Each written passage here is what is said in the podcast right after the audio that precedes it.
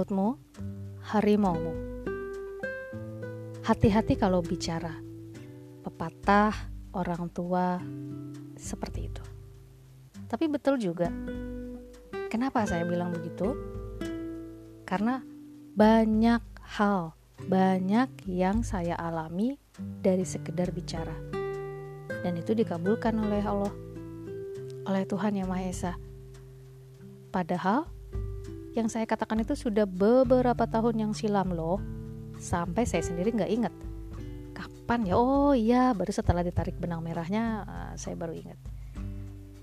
Singkat cerita begini contohnya.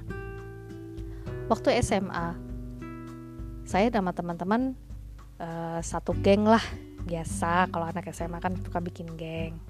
Itu lima orang tapi bukan geng bandel loh ya. Ini gengnya anak belajar. Tumben deh pokoknya anak SMA kita belajar rajin. Karena punya cita-cita kita punya tujuan dong. Habis SMA kita harus ngapain mau jadi apa segala macam. Wah pokoknya visioner gitu. Kalau zaman sekarang kan kita bisa searching ya pakai internet segala macam. Aja zaman saya masih SMA belum ada yang namanya internet. Komputer aja masih PC yang pakai konde masih pakai uh, apalah Corel lah atau apa yang pakai kontrol A, kontrol C jadi harus ngafalin kode-kode gitu. Eh, uh, pusing. Oke. Okay. Teman-teman ada yang ingin jadi sarjana hukum, ingin masuk uh, ilmu komunikasi segala macam. Terus saya bilang uh, lo mau kuliah apa? Mereka nanya gitu. Apa ya? Terus saya bilang saya mau yang ada ngitungnya, ada ngafalinya, ada gambarnya, ada ngayalnya, imajinasi maksudnya kemudian ada mempelajari semua bidang deh ada seni budayanya juga ada uh, art ya bentuk rupa dan segala macam. Jurusan apa itu? Ya nggak tahu saya bilang. Akhirnya sebetulnya tuh saya dapat beasiswa sekolah di uh, Universitas Negeri di Bogor. Tetapi nggak saya ambil. Karena apa? Saya uh, ada kegiatan di Jakarta yang saya sangat suka. Jadi kalau misalnya beasiswa itu saya ambil kegiatan yang saya suka ini nggak bisa berlanjut begitu. Oke kemudian saya tes masuk ke sebuah universitas di Jakarta ambil jurusannya apa? Arsitektur. What? Arsitektur apa? Aku gak ngerti. Ternyata gambar-gambar. Setelah lulus saya baru mudeng. Kok gue jurusannya bisa masuk jurusan ini ini sih? Apa ya? Pas inget-inget setelah uh, itu oh iya dulu sama teman-teman saya pernah punya wishes saya ingin kuliah yang ada ngafalinnya, ada ngitungnya, ada imajinasinya, ada gambarnya, ada seninya segala macam. Oh my god, jadi saya memang tidak boleh uh, mengatakan bahwa kok gue di sini gitu ya. Kata uh, yang maha kuasa, ah, kamu ada request seperti itu dulu gitu dan saya memang pernah request ingin menggambar rumah sendiri mendesain sendiri. Kobul. Kobul loh alhamdulillah. Padahal cuma ingin keinginan. Kobul. Yang paling berkesan nih saya waktu pulang kantor lapar. Banget lapar. Saya naik kendaraan umum dari area Kuningan mau ke arah Ragunan.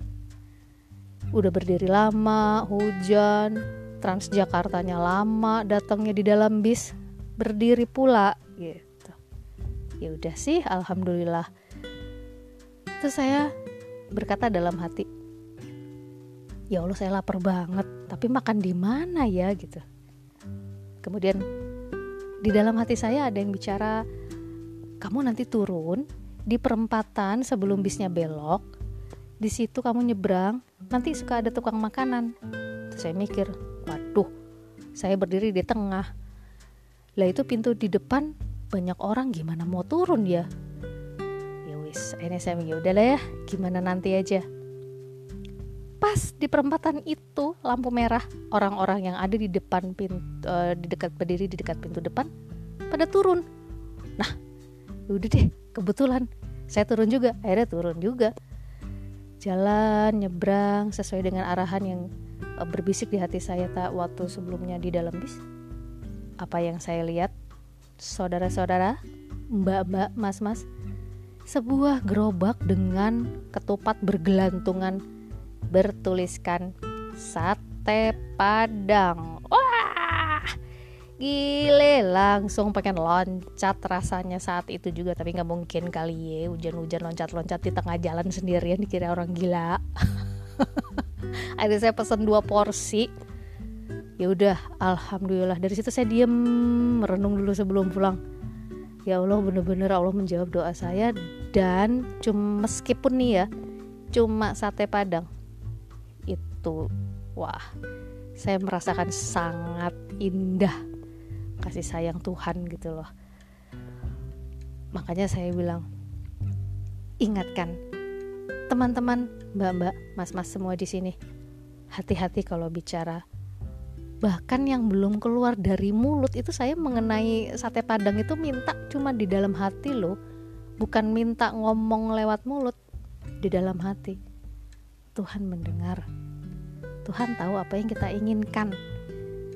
Tuhan tahu mana yang the best untuk kita. Kalau kobul mau saat itu kobul ya bisa terjadi, juga.